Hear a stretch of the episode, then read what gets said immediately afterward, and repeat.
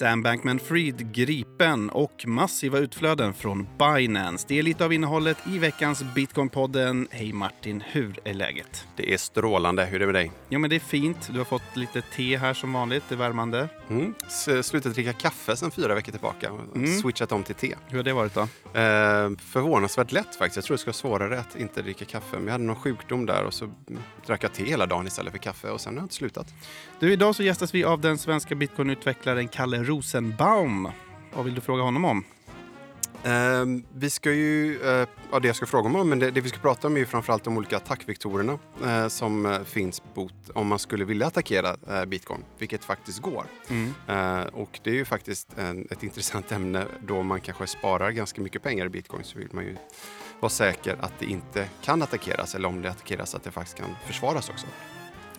Vi har även den här veckan ett erbjudande till alla lyssnare som gäller årets inofficiella julklapp, som vi har valt att kalla den, eller hur? Ja, eh, julen börjar ju närma sig med stormsteg och har man fortfarande inte hittat en tillräckligt bra julklapp så finns ju den svenska översättningen av Bitcoin Standard eh, som man kanske vill ge till en släkting eller eh, en vän.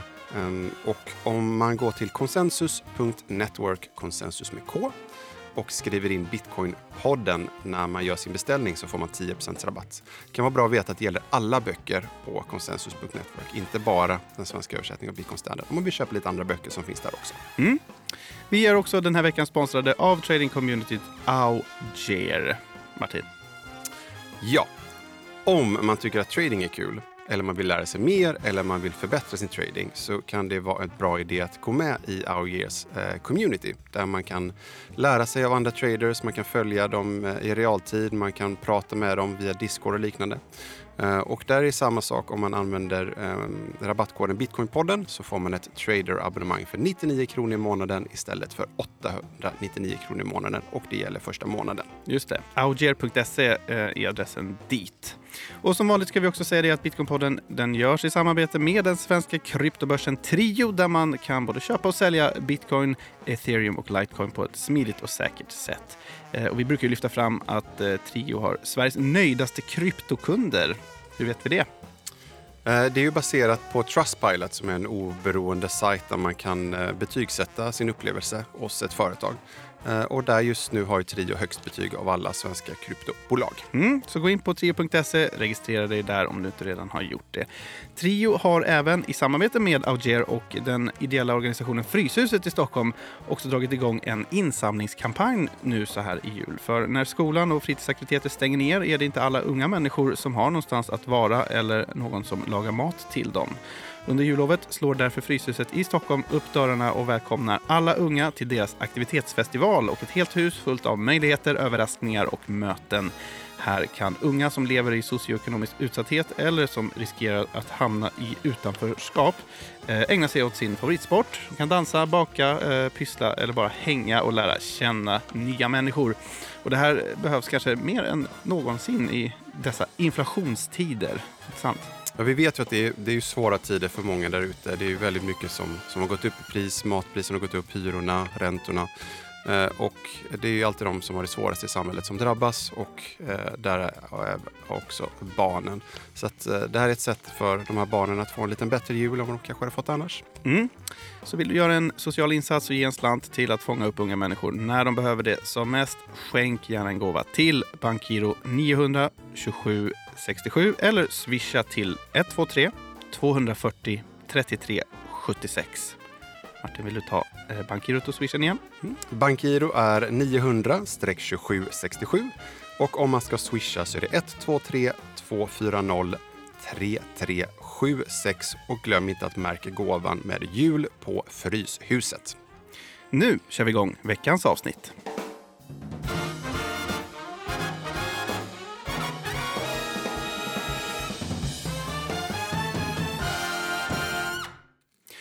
Tidigare i veckan kom USAs inflation in lägre än väntat vilket fick bitcoinpriset att rusa med över 5% Kursen föll efter det tillbaka något men steg sen under veckan till en bit över 18 000 dollar eh, igen då, eh, inför den amerikanska centralbanken Federal Reserves räntebesked under onsdagskvällen eh, när Fed gick ut med att man tänker eh, höja räntan med väntade 0,5 procentenheter så sjönk dock bitcoinkursen tillbaka igen.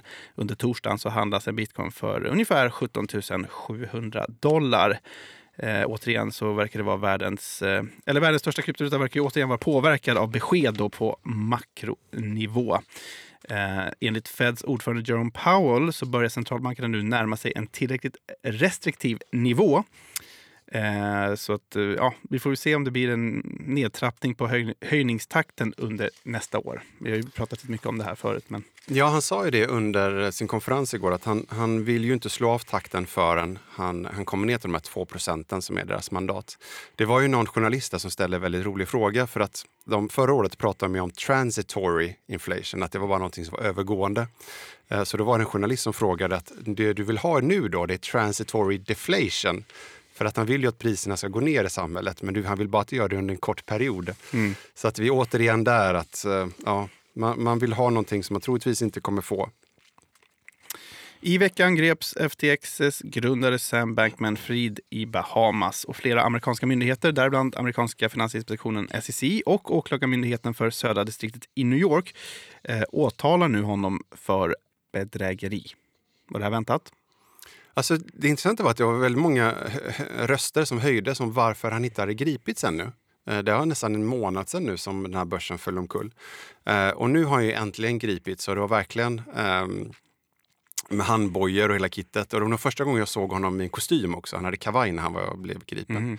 Har de byggt ett case mot honom under den här tiden? Ja, det, det, är en hel del åtalspunkter mm. som, som han kommer att åtalas för. Och det finns ju en chans att han sitter i fängelse resten av sitt liv.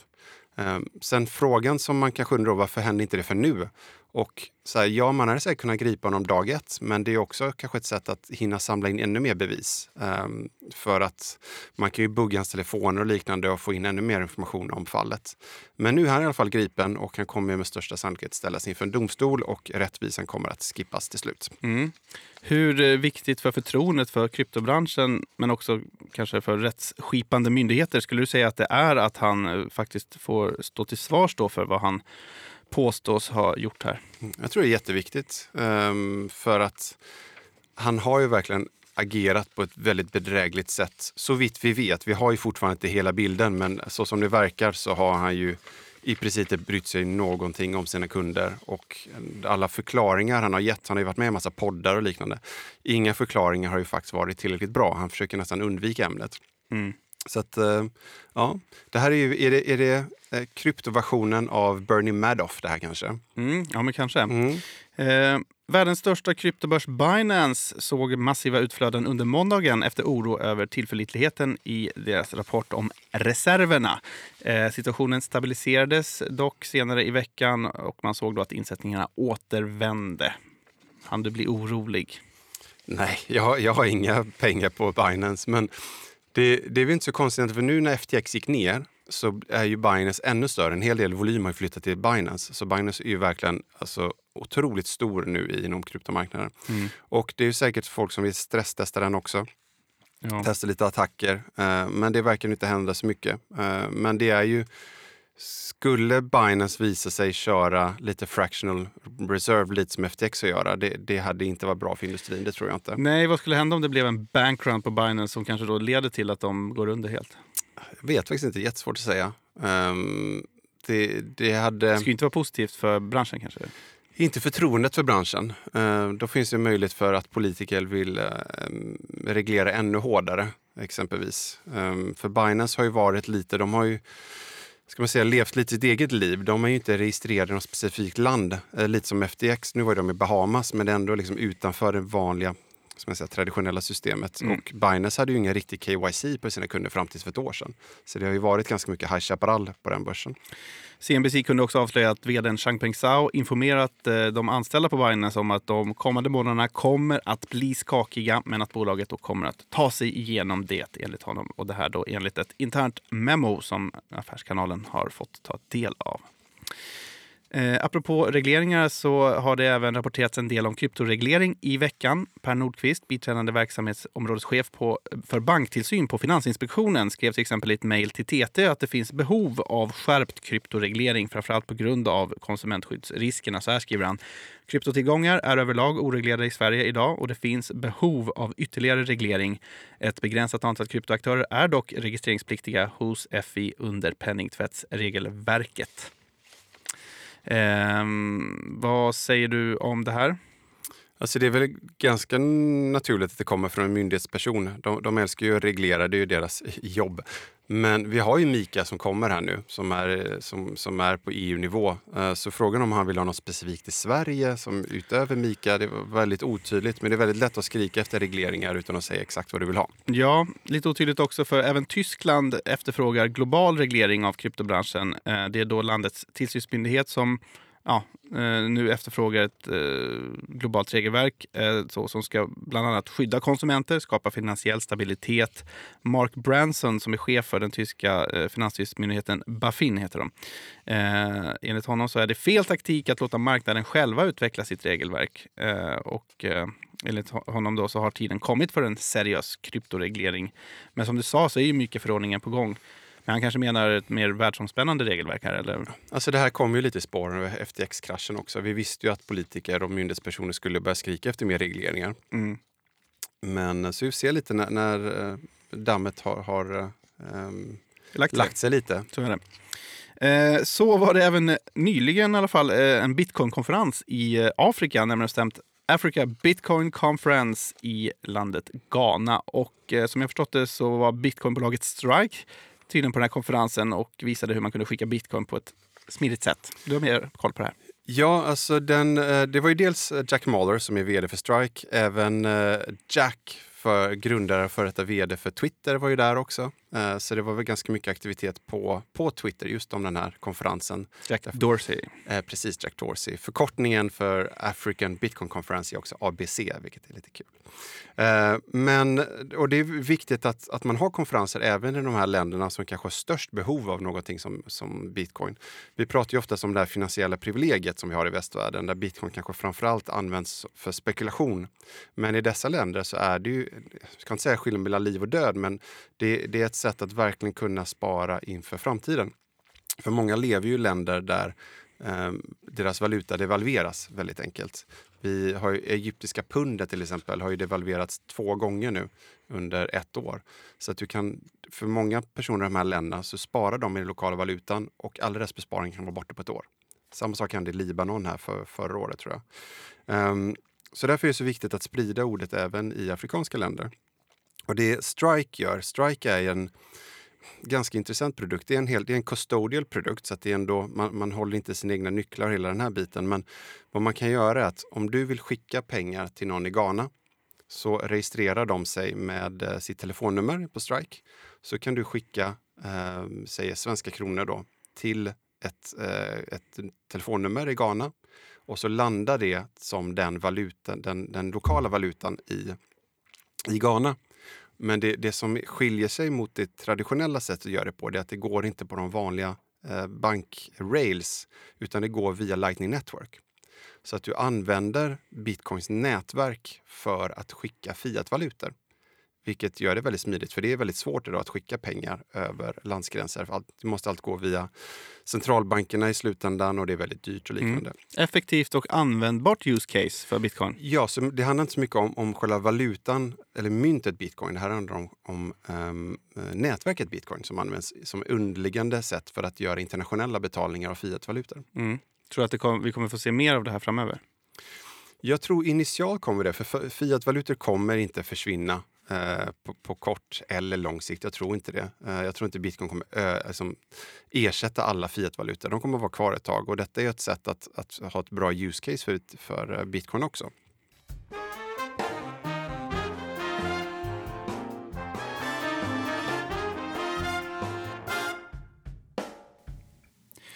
Då säger vi välkommen till veckans gäst, Kalle Rosenbaum, bitcoinkonsult, bitcoinutvecklare och författare till Grocking Bitcoin.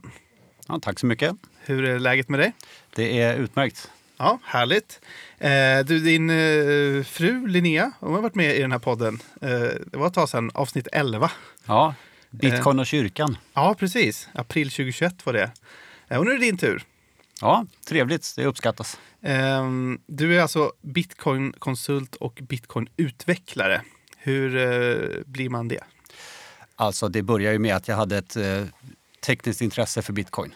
Eh, och jag har jobbat som utvecklare i 20 år. Och, så det var ganska naturligt för mig att starta konsultverksamhet där jag erbjuder utvecklingstjänster kring bitcoin för olika företag som behöver det. Mm. Eh, Så jag har jobbat med det sedan 2015 och eh, har inte ångrat mig en sekund. Mm, var det då du hittade bitcoin? Ja, alltså det var ju ett par år tidigare då som jag började intressera mig och, och, och lära mig om tekniken, hur det faktiskt fungerar Ja. och varför det är viktigt och sådär. Hur gick det till då? Var det att du upptäckte bitcoin direkt och, och läste på och fattade direkt? För vissa, vi har pratat om tidigare, att man behöver några, brukar du det? Nudges pratar vi om. Ja, Mm. exakt. Att man behöver det nämnt några gånger innan man faktiskt börjar läsa på och förstå och sådär. Ja, men så var det nog för mig. Eh, och eh, det tog också en väldigt lång tid för mig att begripa det. Eh, jag har ju jobbat som utvecklare, men jag har liksom inte jobbat med distribuerade system eller, eller eh, digitala signaturer och den typen av saker eh, som bitcoin bygger på. Eh, så för mig var det en eh, ganska stor uppförsbacke. Och eh, det tog mig säkert ja, men minst ett år innan jag började få liksom en eh, eh hyfsad, eh, hy, hyfsat begrepp, eller hyfsat grepp om bitcoin.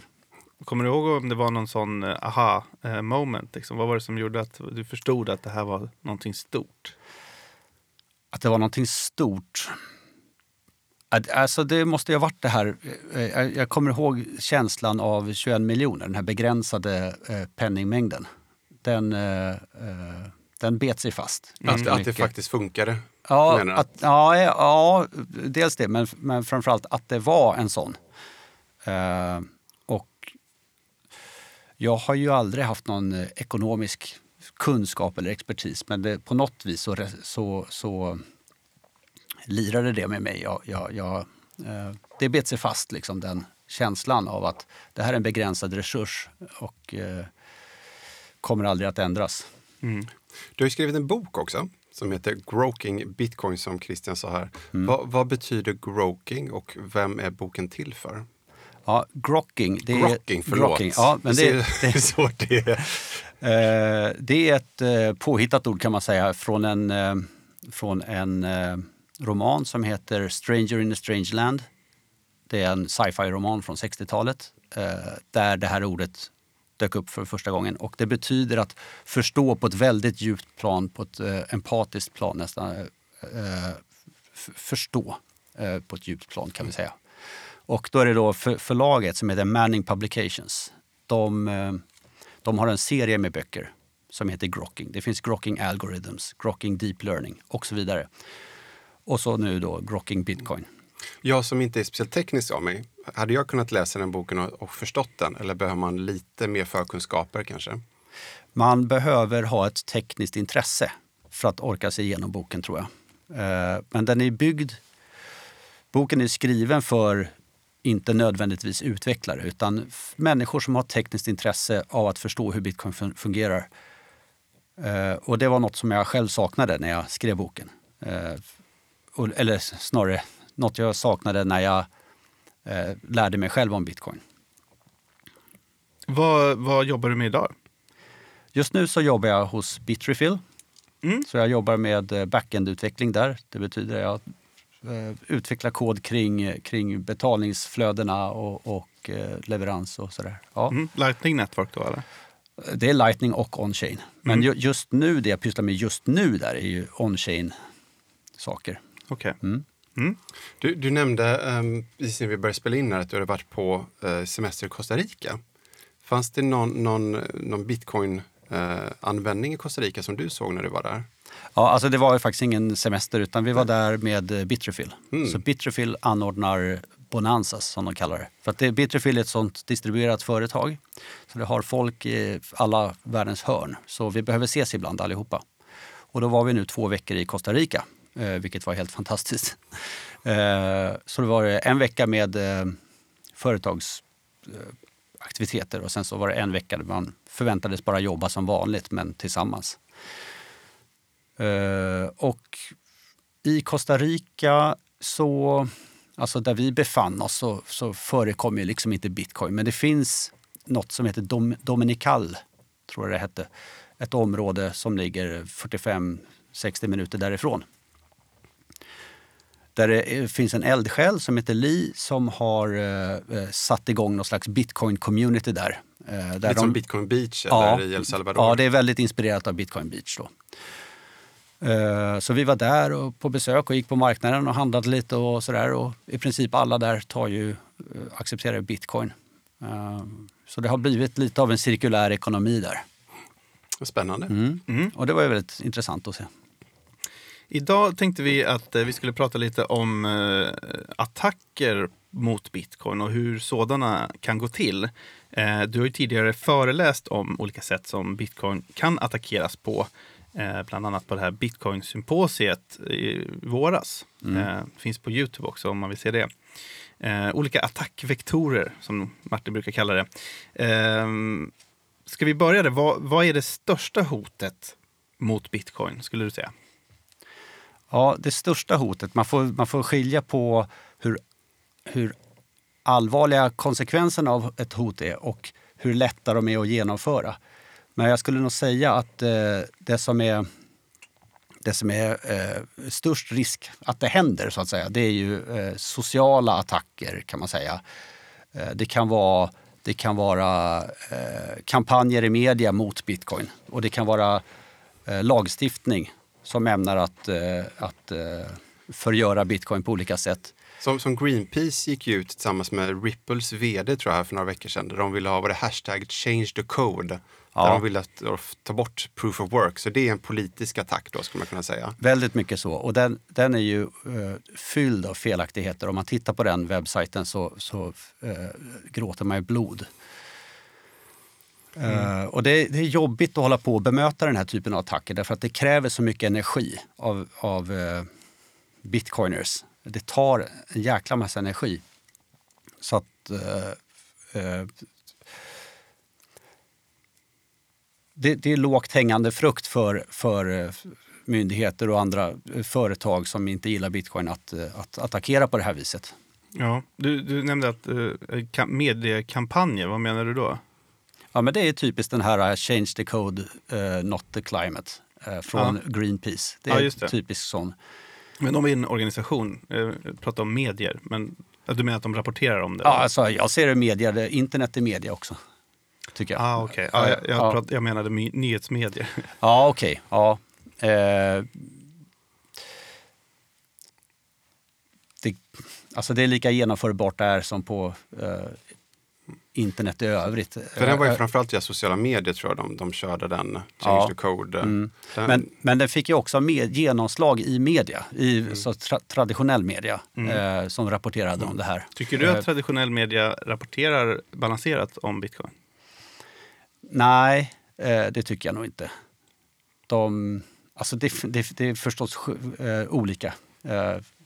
men det är nästan alltid så att när man läser media om ett ämne som man kan någonting om eh, så blir man ju bedrövad över hur mycket felaktigheter det är. Och det, så, det gäller ju för mig nu när jag läser om bitcoin i media. Och det är väl samma sak om man är läkare och läser om en eh, artikel om deras fält. Så som man eh, naivt sett så skulle man kunna tänka att de vill väl men, eh, men eh, men att det blir fel. Liksom. Mm. Ja, det är, men, det är ett stort och invecklat ämne också. Sådär, ja. så, och det finns ju andra ämnen som du nämnde. Som, mm. Men det är ju såklart att man ser det tydligare när man kan det bra själv. Mm. Skulle du klassificera uh, den, um, the block size war som en politisk eller social attack? För, bara för lite bakgrund, det var ju under 2017 så ville man ju uh, öka storleken på blocken för att kunna få in mer transaktioner och därmed uh, få ner priset på vad det kostar att göra en transaktion på. Ehm, på, en, en, en, på blockkedjan och det var ju verkligen någonting som delade communityt. Vissa ville hålla nere blockstorleken och vissa ville eh, höja den och man miners var med på ett hörn. Och, vad, Mm. vad är det för sorts eh, attack och tror du det är någonting vi kommer fortsätta att se framöver? Ja, det var en spännande tid. Ehm, jag, tror, jag tror att det drevs av företag som hade byggt hela sin, eh, sitt företag kring on-chain transaktioner. Och eh, de ville då med näbbar och klor hålla sig fast vid den eh, mekanismen eller den, det paradigmet. Så de drev ju på för att, för att öka block-size-storleken för att kunna fortsätta med sin verksamhet. Men i själva verket, om man tittar eh, tekniskt på det, så är det inte hållbart i längden att öka block-size-storleken. Vi ser vad som har hänt med eh, eh, vad heter den? Bitcoin Satoshis Vision för exempel. Ja, till ja, exempel. Och då, då, är det, då, då, då är det block som är 3 gigabyte stora. Och det är inte hållbart. En vanlig nod klarar inte av, en, en vanlig nod i bitcoins nätverk klarar inte av att läsa det blocket på den tid som krävs. Så du är en small blocker om man säger Ja, så? det kan, ja, kalla mig det. Det går bra. Det går bra. Mm. Eh, Okej, sociala attacker. Eh, men hur menar du då att det, att det blir ett hot eh, mot bitcoin i förlängningen? Eh, alltså menar du då att eh, det här Greenpeace gör någonting, det rapporteras om det, makthavare läser det här, tar då sedan beslut när de stiftar lagar baserat på den här informationen? Alltså är det så du tänker att Ja. Konsekvenserna blir? Ja, och det blir, med, med den här typen av attacker så blir det lättare att genomföra eh, lagar, som du säger, eh, för att eh, klämma dit bitcoin-användare på olika sätt. Mm. Är, det så att det blir... för- Kriminalisera dem helt enkelt. Om man går till någon, nästan vilken politiker som helst och frågar vad tycker du om bitcoin så kommer de alltid säga att det är för stort klimatavtryck eller det är för få transaktioner per sekund och det funkar inte lika bra som Visa. Säger du att, att den retoriken som de har kommer från eh, sociala eller politiska attacker i grund och botten? Jag vet inte om det är, om det är eh, eh, de själva som, som vill, eh, som har nytta av att tycka så. Eller om, om de så att säga bara är påverkade utifrån. Eh, det kan ju säkert vara en kombination. Eh, men jag, jag tror att de flesta är påverkade utifrån av de här eh, narrativen som finns. Men är det inte liksom... Eftersom de har så mycket, de har så mycket eh, att ta ställning till hela tiden. Det är deras jobb att bara tycka en massa saker om massa saker hela tiden. Eh, så de har inte tid att gå på djupet på bitcoin. Nej. Men eh, är det inte också lite inom allas rätt att försöka påverka andra människor med sina idéer eller åsikter så länge det görs lagligt och på ett demokratiskt sätt? Borde inte bitcoin kunna stå emot detta? Jo, alltså bitcoin står emot detta. Eh, bitcoin som system kommer fortsätta att tuffa på oavsett vad politiker gör. Eh, och de har all rätt att, eh, att påverka, försöka påverka opinionen på olika sätt. Absolut. Tror du att vi har sett attacker från, från nationalstater än? Skulle till exempel Kinas ban på mining förra året, skulle, det, skulle du se det som en attack från nationalstat eller har vi sett andra eh, attacker innan? Jag skulle nog säga att det är en attack. Eh, Det var ju ett medvetet sätt att eh, trycka tillbaka bitcoin så, så, så gott de kan. Liksom. Tycker du att de lyckades? Nej, de misslyckades. Det, det som hände var att eh, all mining-hårdvara flyttade utomlands och kom online igen liksom, senare. Det man ser ju om man tittar på hash power-grafer från den här tiden så var det ju en nästan var 40 procent i dipp i hash power och sen så kom den väldigt snabbt tillbaka och eh, överskred sin tidigare topp eh, väldigt fort. Och det var spännande, spännande att se vad som hände där. Vad som förvånade mig där var att eh, Kina, som ju är totalitärt, inte bara konfiskerade den här hashpowern och använde den själva för att vidare attackera nätverket. De hade kunnat orsaka mer skada för bitcoin genom att faktiskt eh, använda hashpowern i... i Du pratar om en 51% attack här, va? ja, V- precis. vad är det? En 51% attack är en attack för att skriva om bitcoins historik. Och eh, bit, bitcoin har som ett säkerhetsantagande att eh, minst 50% av hashpowern i, i nätverket är ärlig. Eh, för, och det, det, det, är som, det är som ett grundantagande i bitcoin. Ett axiom. Eh, så om det inte stämmer, eller rättare sagt, om man har mer än 50% av hashpowern i nätverket så kan man... Eh, är det dubbelspenderingar vi pratar om eller? Ja, det behöver inte nödvändigtvis vara det, utan det kan även handla om censur. Eh, men ja, dubbelspenderingar och censur. Så då, då, kan man då, med den här enorma hashpowern, 51 procent av all eh, hashpower, så kan man då eh, skriva om historik. Man kan ta bort vissa medborgares eh, transaktioner till exempel.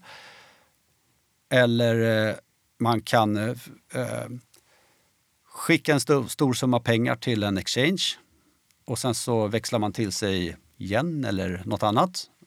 Eh, och sen så eh, undoar man sin transaktion helt enkelt. Eh, man rullar tillbaka man den. Rullar tillbaka ja. den. Och, och då, då har man då massa yen och massa bitcoin. Men jag att det var lite mer troligt att man kunde göra det i början när hashpowern inte var så hög. Nu är den ju otroligt hög. Det är väl mm. världens säkraste nätverk om jag förstått det här rätt. Tror du verkligen att en nationalstat skulle kunna göra det idag, en 51% attack? Med tanke på hur mycket energi du behöver konsumera och hur mycket hårdvara du behöver och att ens få till liksom logistiken kring det. Jag tror att det är genomförbart, men inte hållbart i längden. Eh, men, men det är en öppen fråga om bitcoin skulle kunna motstå en sån 51 eh, attack från en stat. För om vi tittar på Rysslands krig i Ukraina så Ryssland spenderade ungefär, nu ska vi se så att jag säger rätt, 2 miljarder dollar per dygn under de första månaderna i kriget mot Ukraina. 2 miljarder dollar per dygn. Ungefär i runda slängar. Eh, det kan variera lite. Eh, men, och om man tittar på vad bitcoins vad, hur mycket pengar som läggs på bitcoins hash, eh, på, på bitcoin i, i mining eh, idag så är det ungefär 20 miljoner, 20 miljoner dollar per dygn. Alltså en tiondel vad de la? En procent. Ja, förlåt. Ja, precis, ja. En procent, förlåt. Så en procent av vad Ryssland lägger på dag, per dag för att attackera Ukraina.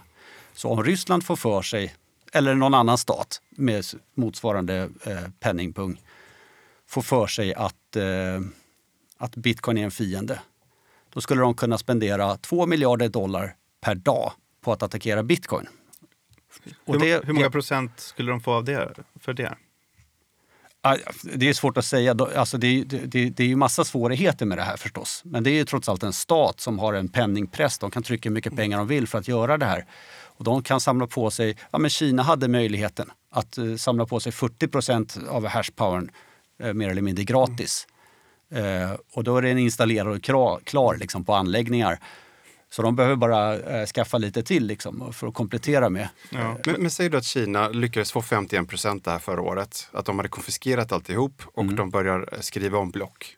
Hur länge kan de hålla på? För mm. någonstans borde man inte kunna eh, forka liksom, och fortsätta på en annan eh, eh ska man säga, blockkedja där man Ehm, där de ärliga minersen är och så lämnar man Kina kvar på den gamla eh, blockkedjan. Ja, fast, Eller hur löser fast man om, det? De, om de ärliga minerserna går till en, eh, en annan fork, då kan faktiskt Kina också göra det. Så det finns inget som hindrar dem från att följa Hur länge kan den attacken pågå då kanske? Det var det som är min ja, fråga. Det är, ett, det är en intressant dynamik som uppstår där. Därför att när en, eh, när en attackerare börjar attackera eh, nätverket så så gör de det för att eh, censurera transaktioner eller dubbelspendera transaktioner. Men eh, låt säga, om de gör det för att censurera transaktioner, vilket är det kanske mest troliga, eh, så då av, det, det, innebär också att deras miners avstår vissa transaktioners, eh, transaktionsavgifter. De censurerade transaktionerna de går miste om de avgifterna transaktionsavgifterna. Medan de ärliga minersna, de kan åtnjuta de transaktionsavgifterna. Mm. Så där, där gör ju eh, eh, attackeraren en, vi kan kalla attackeraren för staten. Där gör ju staten en, eh, en, en förlust. Men staten har ju ganska mycket eh, penningmakt eh, där, så det kanske går bra för dem. Men å andra sidan, så de som blir, de som blir censurerade, vad gör de när deras transaktioner inte går igenom därför att de blir censurerade? Vad gör de då? Och de höjer avgiften? Då höjer de avgiften, ja.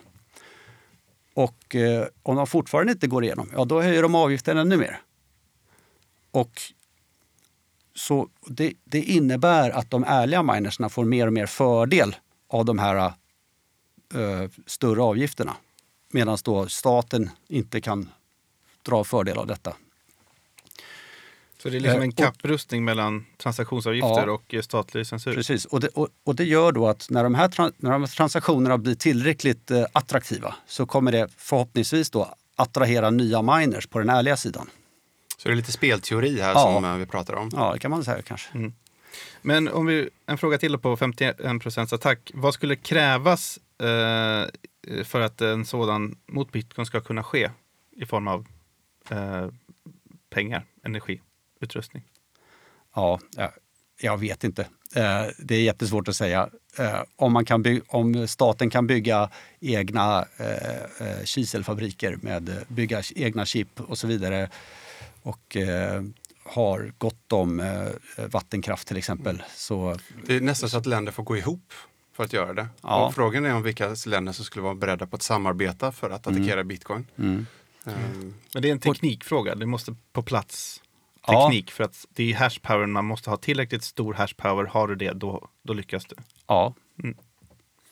Men det är också intressant att se vilka eh, länder som skulle ansluta till ett sånt här, eh, vad ska man säga, konsortium eller mm. eh, för det finns ju länder som kanske stå, vill stå på motsatta sidan. El Salvador till exempel, gissar jag, skulle välja att eh, eh försöka motverka den här attacken.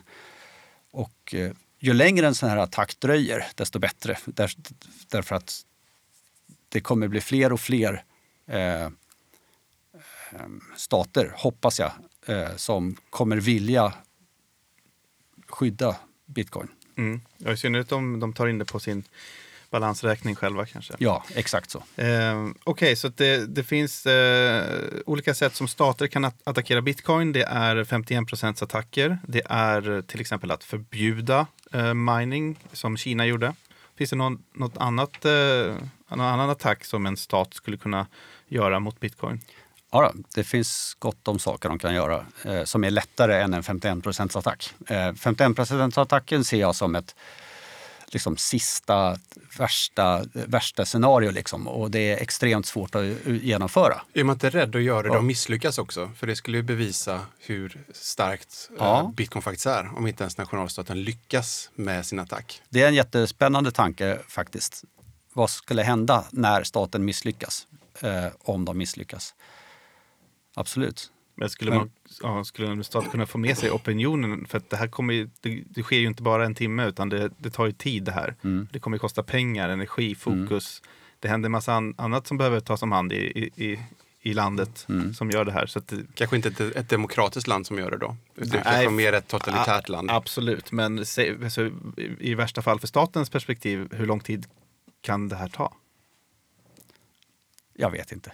Jag kan, det, det, hålla ut så här i flera år, det är ja, väl nej. inte ens en... Eh, det kan väl inget land? Liksom. Nej, ja, ja, precis. Men, men alltså, så länge deras sedelpress fungerar så kan de köra tror jag. Mm. Men i alla fall, vi, vi mm. åter till frågan om ja. andra attacker. Så finns ju eh, en uppenbar sådan är alla centraliserade exchanges som finns idag. Eh, det är väldigt många människor som har sina bitcoin på en central exchange någonstans och använder det som sin plånbok. Och det här är jättefarligt därför att säg att det är tio stora exchanges i världen, av de största. Liksom. Och det är ju jättelätt att, att nypa åt dem och, och kliva in där med ett SWAT-team och, och ta, eh, beslagta alla eh, de här företagens bitcoin. Och då står kunderna där utan sina bitcoin. Så det, det ser jag som en eh, väldigt stor risk faktiskt. Eh, och Eh, det är också så att eh, exchangerna gör ett ganska gott jobb själva i att eh, förskingra sina mm. kunders tillgångar. Så det, det, är inte bara staten som är en fara där utan det är ju även inkompetens och, och bedrägeri. Det är väl ungefär 19 miljoner bitcoin som har minats fram. Vet du ungefär hur många som sitter och centraliserade börser just nu? Av den mängden? Hur stor den attackvektorn är, tänker jag. Det är en bra fråga. Jag vet inte. Nej. För jag, jag tror merparten av alla bitcoin hålls ju fortfarande av folk med egna nycklar. Um, så frågan är vad, vad, är det staten gör då? De går in, tar bitcoinen och betalar ut i en fiatvaluta istället. Så att de själva kommer åt bitcoinen för, och så printar de pengarna så att alla får tillbaka sina pengar. Eller hur skulle eh, individer eller kunder tycka om en stat går in och konfiskerar massa bitcoin som tillhör dem? För det är ju stöld, det är ju det ja. vi pratar om här. Mm. Är, det att, är det att man får värdet av sin kryptovaluta eller i en fiatvaluta då, så man i alla fall får tillbaka ett lätt, men staten sen sitter på bitcoinen? Nej, jag tror snarare att de säger att det här är kriminellt, så det här är kriminell verksamhet, vi beslagtar det här. Men det finns ju alla varianter förstås, de kan hitta på vad som helst egentligen. Eh, men det här du sa, eh, det kanske är så att merparten av alla bitcoin finns på privata wallets. Eh, men jag tror att merparten av alla människor har sina bitcoins på mm. Eh, centraliserade exchanges. Ja, det var ju väldigt tydligt med FTX hur många som drabbades. Ja. Eh, och inte bara individer utan även företag. Hur många mm. företag som går under just för att de har blivit av med sina bitcoin. Mm. Och det här var ju inte den första exchangen som fallerar utan det har ju varit en serie, många sådana. Både, både som har drabbats av eh, attacker utifrån eller inkompetens inifrån eller rent Eh, bedrägeri inifrån. Vi pratade lite om det under nyhetssvepet här, vad som skulle hända om Binance skulle eh, göra en FTX. Va, vad tror du om det? Om, om den skulle gå under eller visa sig att den kör fractional reserve på kundernas tillgångar? Jag vet inte. Är det godnatt och adjö eller? Nej, alltså bitcoin kommer ju tuffa vidare, eh, men väldigt, väldigt många människor kommer bli utblottade och, och se sina tillgångar förstörda. Och det är ju en stor tragedi förstås. Så därför föreslår jag för alla som lyssnar här att eh, plocka ut era bitcoin från centraliserade exchanges. Köp en hårdvaru-wallet, använd den. Lägg en backup i ett bankfack eller något liknande. Mm, bra tips. Mm. Eh, sen finns det också, jag vet inte om det här sorterar under politiska attacker, men eh, KYC, så kallad kundkännedom, Know your customer. Uh, varför är KYC ett stort säkerhetshål? Det är en jättebra fråga. KYC det, det, det, det är en lag om att uh, de som hanterar kundernas tillgångar måste uh, känna till vem kunden är och så vidare. Och spara uppgifter om den här kunden i databaser. Och KYC är ett, är ett säkerhetshål därför att de här databaserna kommer att läcka ut. Förr eller senare gör de det. Och det finns gott om sådana exempel där kunders data läcker ut och eh, publiceras på olika sajter. Celsius var ett exempel ju. För de, de hade jättemånga kunder mm. och så blev det ju ett eh, konkursbo av det hela tror jag. Mm. Och då publicerades listan av alla kunder mm. med vilka tillgångar de hade på Celsius. Mm. Och det var ju hur många som helst och man mm. kunde se hur mycket pengar de hade. Är det lite det du tänker på? Då? Ja, så exakt. Att... Så de, de, här listorna kommer ju då eh, skurkar komma över och eh, kan då göra riktade attacker mot de här individerna.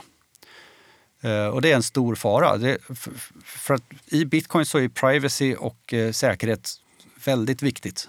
Eh, därför att de kan knacka på hemma hos mig och eh, eh hotar mig med ett järnrör. Liksom. Men, men, är det specifikt för börser, tänker jag? För att det var ju samma sak med Ledger-attacken som var för två, tre år sedan. Ledger som är en hårdvaruplånbok fick ju massa, har ju uppgifter med mailadress och var de har skickat den här plånboken. Så ja. det är väldigt många som blivit attackerade bara för att den här hacken, och det har ju inte så mycket med, med börsen att göra. Det, det är ju inte det är väl en viss form av KYC, men det måste du ha för att kunna skicka ut din hårdvaruplånbok.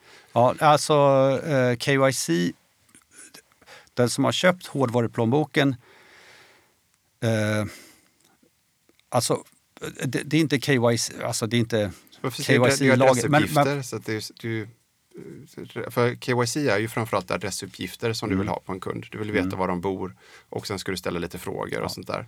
Och det är samma sak med Ledger. Det är Ja. också en form av, alltså, så det är ju datainsamling överlag som är Exakt kanske är problemet. Exakt så. Just det. Och hur kommer man runt mm, det här med datainsamling? För det, det är ju som du säger, det är ett problem. Alla företag måste samla in data om sina kunder och de är inte jätteduktiga på att kanske ta hand om de här, eh, den här datan. Den läcker alltid. Hur, hur lever man i en värld utan datainsamling på kunder? Är det en Alltså utopi? det, nej, jag tycker inte att det är en utopi. Det finns ju decentraliserade exchanges och man kan handla in person med varandra. Eh, Men av praktiska skäl så är det ju praktiskt att använda en centraliserad exchange därför att det är många säljare och köpare där. Det är en, det är en fungerande marknad. Eh, Så att jag förstår ju att människor använder centraliserade exchanges. Eh, Men mitt råd då är att håll dig till en centraliserad exchange som du litar på, som, som, som verkar sund. Eh, och stanna där. Därför att för varje ny exchange du, prö- du testar så sprider du din information till, till fler och fler eh, eh, mer eller mindre sårbara databaser. Så att om du håller dig till en så, så eh, begränsar du i alla fall din exponering mot eh, den här typen av eh, läckage. Är det även när, när du tar ut dina bitcoin från en centraliserad börs att alltid eh, generera en ny adress? Istället för Ja. att alltid skicka till samma. Ja, det är också en bra eh, eh, grej att tänka på. Att, att försöka använda unika adresser hela tiden för just din privacy. För om, För då kan man inte se hela en saldo eller vad är fördelen med att alltid generera en ny adress? om den här adressen som du återanvänder, eh, om någon lyckas länka den adressen till min person, vilket ju exchangen redan har gjort, men om någon annan gör det också, så kommer de kunna se hela min balans, förstå och se allt mitt in och utflöde av bitcoin.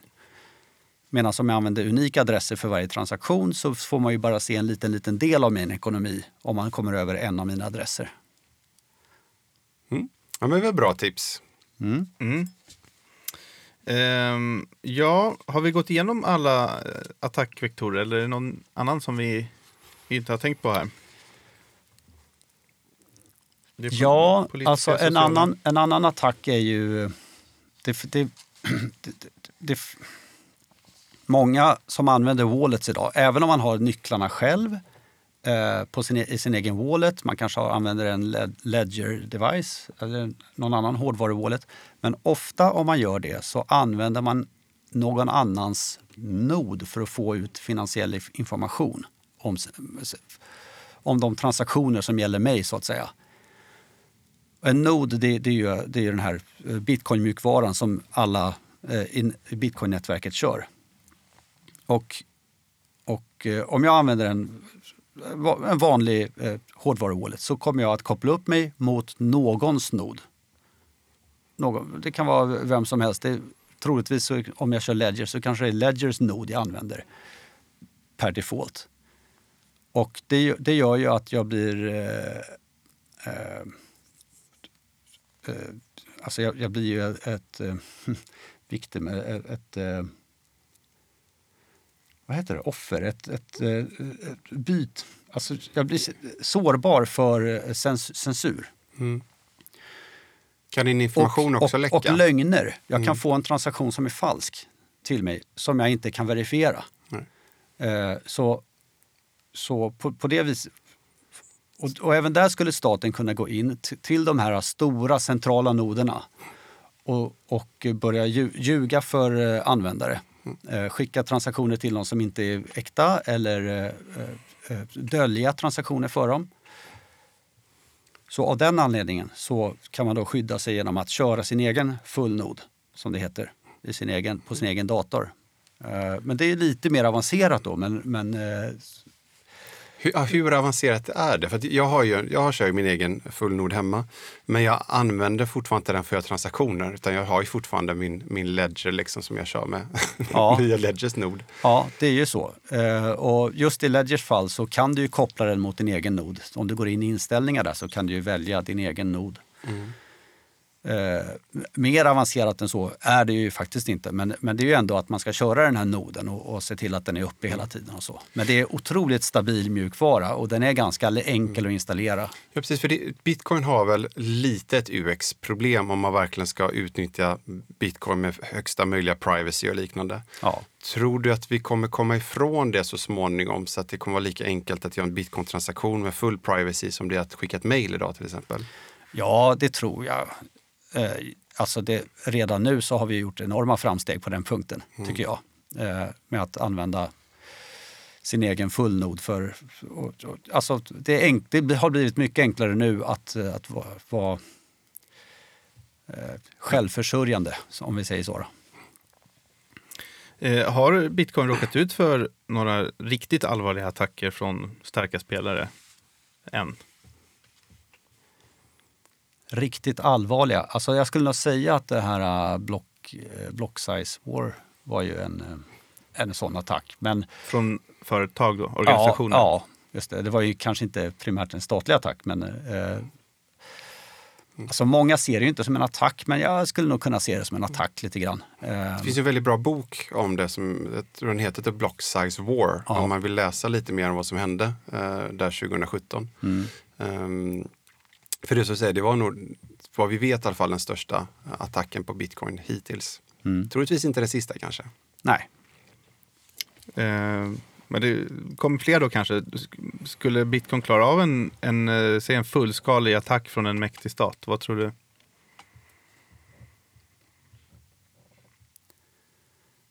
i dagsläget om den skulle, om den skulle köra igång nu så är jag tveksam. Är det inte, vill vi inte ha en attack? Så att vi klarar den och så är- det eh, liksom överstökat. Ja, eh, just det, det är också en fråga, vad menar man med att klara attacken? Ja. Eh, Om, om bitcoin... Ja, precis. Det kanske vi ska reda ut. Vad betyder att klara attacken?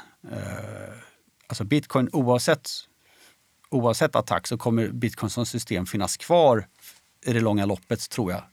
Men, men om det en gång har attackerats och, och eh, eh, stympats så pass att ingen längre våg, vågar eller vill använda det eh, så kommer det ta lång tid innan bitcoin återhämtar sig. Eh, så det får man väl se som en lyckad attack då, får jag väl säga. Och, och, och, Varför tror du just nu då att, att bitcoin skadeskjuten nu? Eller? Nej, för att bitcoin är så litet fortfarande och det finns så få, det finns så få mäktiga spelare i bitcoin. Det finns ju en och annan, men, men, eh, men ju, fler, ju fler människor från maktens korridorer som faktiskt använder bitcoin, desto, desto säkrare blir det nog. Och, Men är det ett problem att, att vi får en, en konsolidering av miners? Att vi har fler och fl- eller mindre och mindre med större och större miningfarmar? För att det blir en attackvektor att Säg att staten i USA då, det finns ju vad det, Foundry och det finns en Hut 8 och de här, att de, att de konfiskerar alla dem samtidigt. De gör en räd liksom. Och så konfiskerar de all mining i USA och så gör något annat land samma sak och så får det över 50 igen. Är det ett problem att miningen inte är så lika decentraliserad som Norden är till exempel? Som fullnorden är. ja, det tycker jag absolut.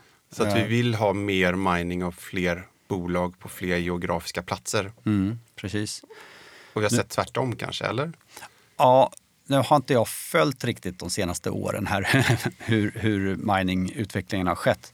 Men eh, de stora...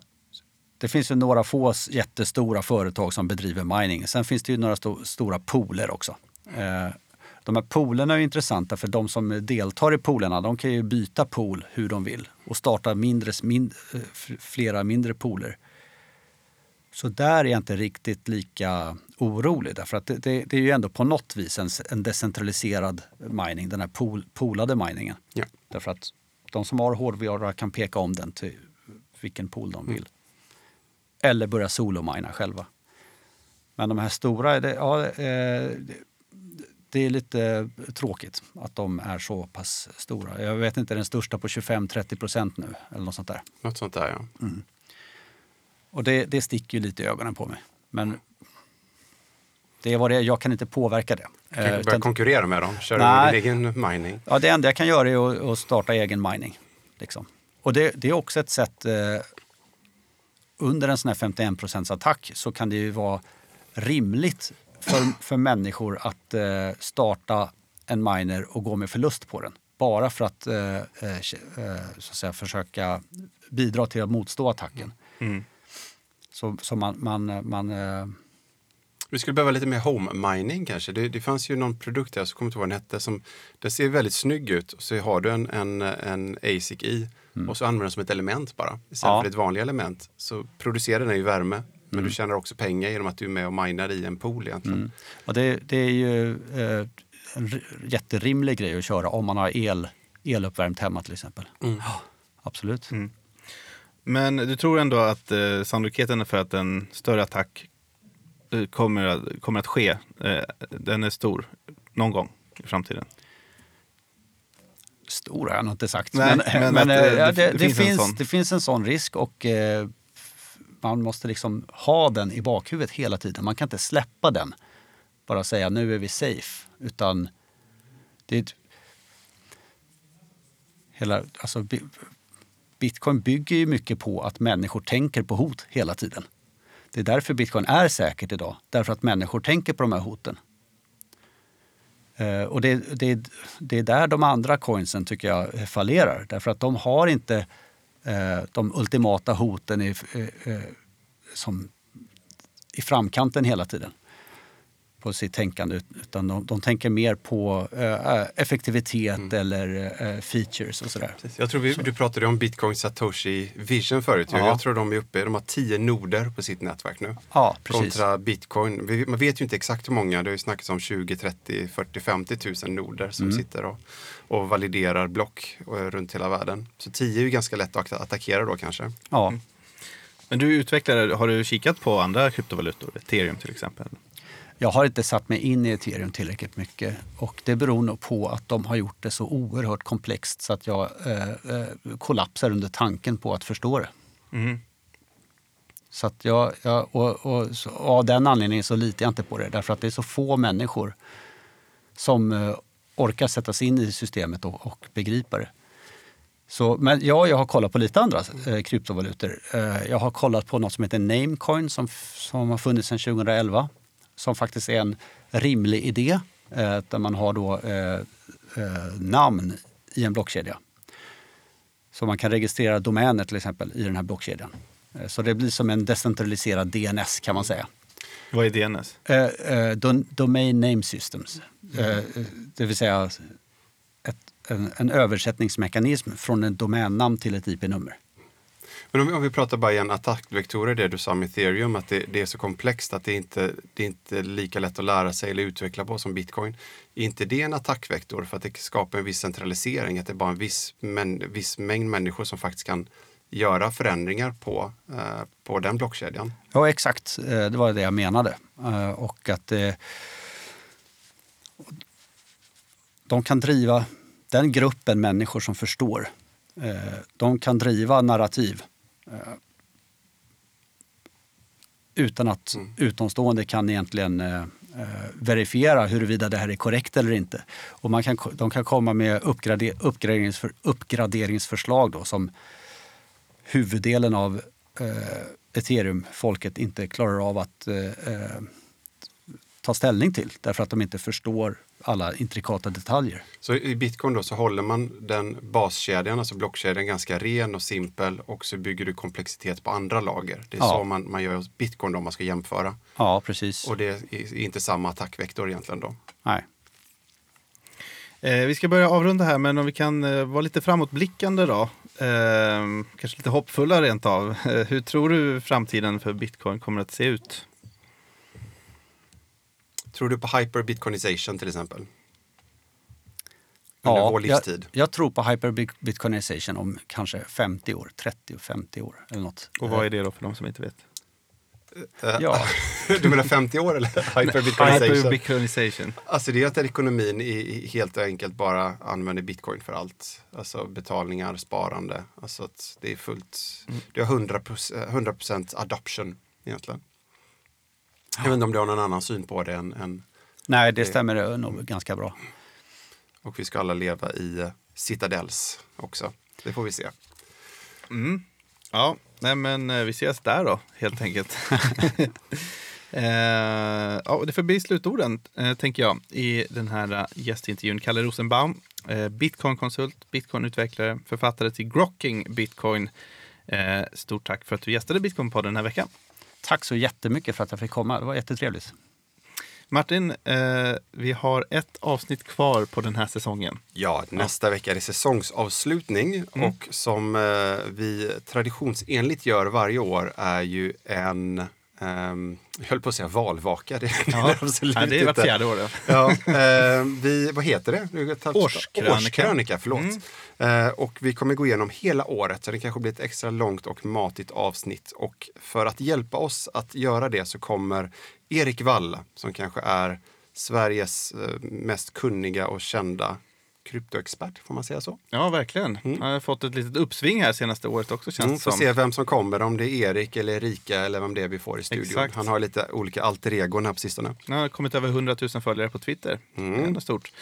Eh, ska vi påminna om den insamling också som vi har dragit igång tillsammans med Auger och Fryshuset då, till förmån för unga som lever i socioekonomisk utsatthet eller som riskerar att hamna i utanförskap.